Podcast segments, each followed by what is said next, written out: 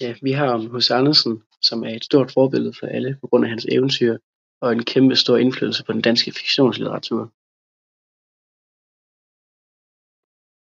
Hans Christian Andersen blev født den 2. april i 1805 i Odense i København. Han var en dansk digter og forfatter, der er verdensberømt for sine eventyr. Han var kendt for sine buketter og papirsklip og mente at have opfundet de flettede danske julehjerter.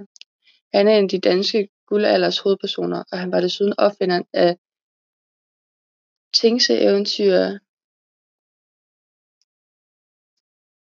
Øhm, han har blandt andet skrevet Den grimme Ellen Christians fyrtøj, den, li- den lille pige med sovstikkeren, øh, Den lille havfru, Nattergalen, øh, Klokken, Prinsessen på ærten, Den standhaftige tilsoldat, Lille Claus og Store Claus.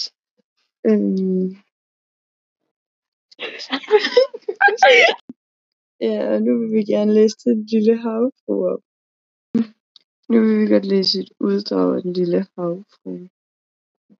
Langt ude i havet er vandet så blåt som bladene på den dejligste kornblomst og så klart som det reneste glas. Men det er meget dybt. Dybere end noget ankertårn, når mange kirketårne måtte stilles oven på hinanden for at række fra bunden op over vandet. Dernede bor havfolkene. Nu må man slet ikke tro, at der kun er den nøgne hvide sandbund. Nej, der vokser de forunderligste træer og planter, som er så smidige i stilk og blade, at de ved den mindste bevægelse af vandet rører sig, ligesom om de var levende. Alle fiskene, små og store, smutter imellem grenene, ligesom heroppe. Fuglene i luften, på det allerdybeste sted, ligger havkongens slot.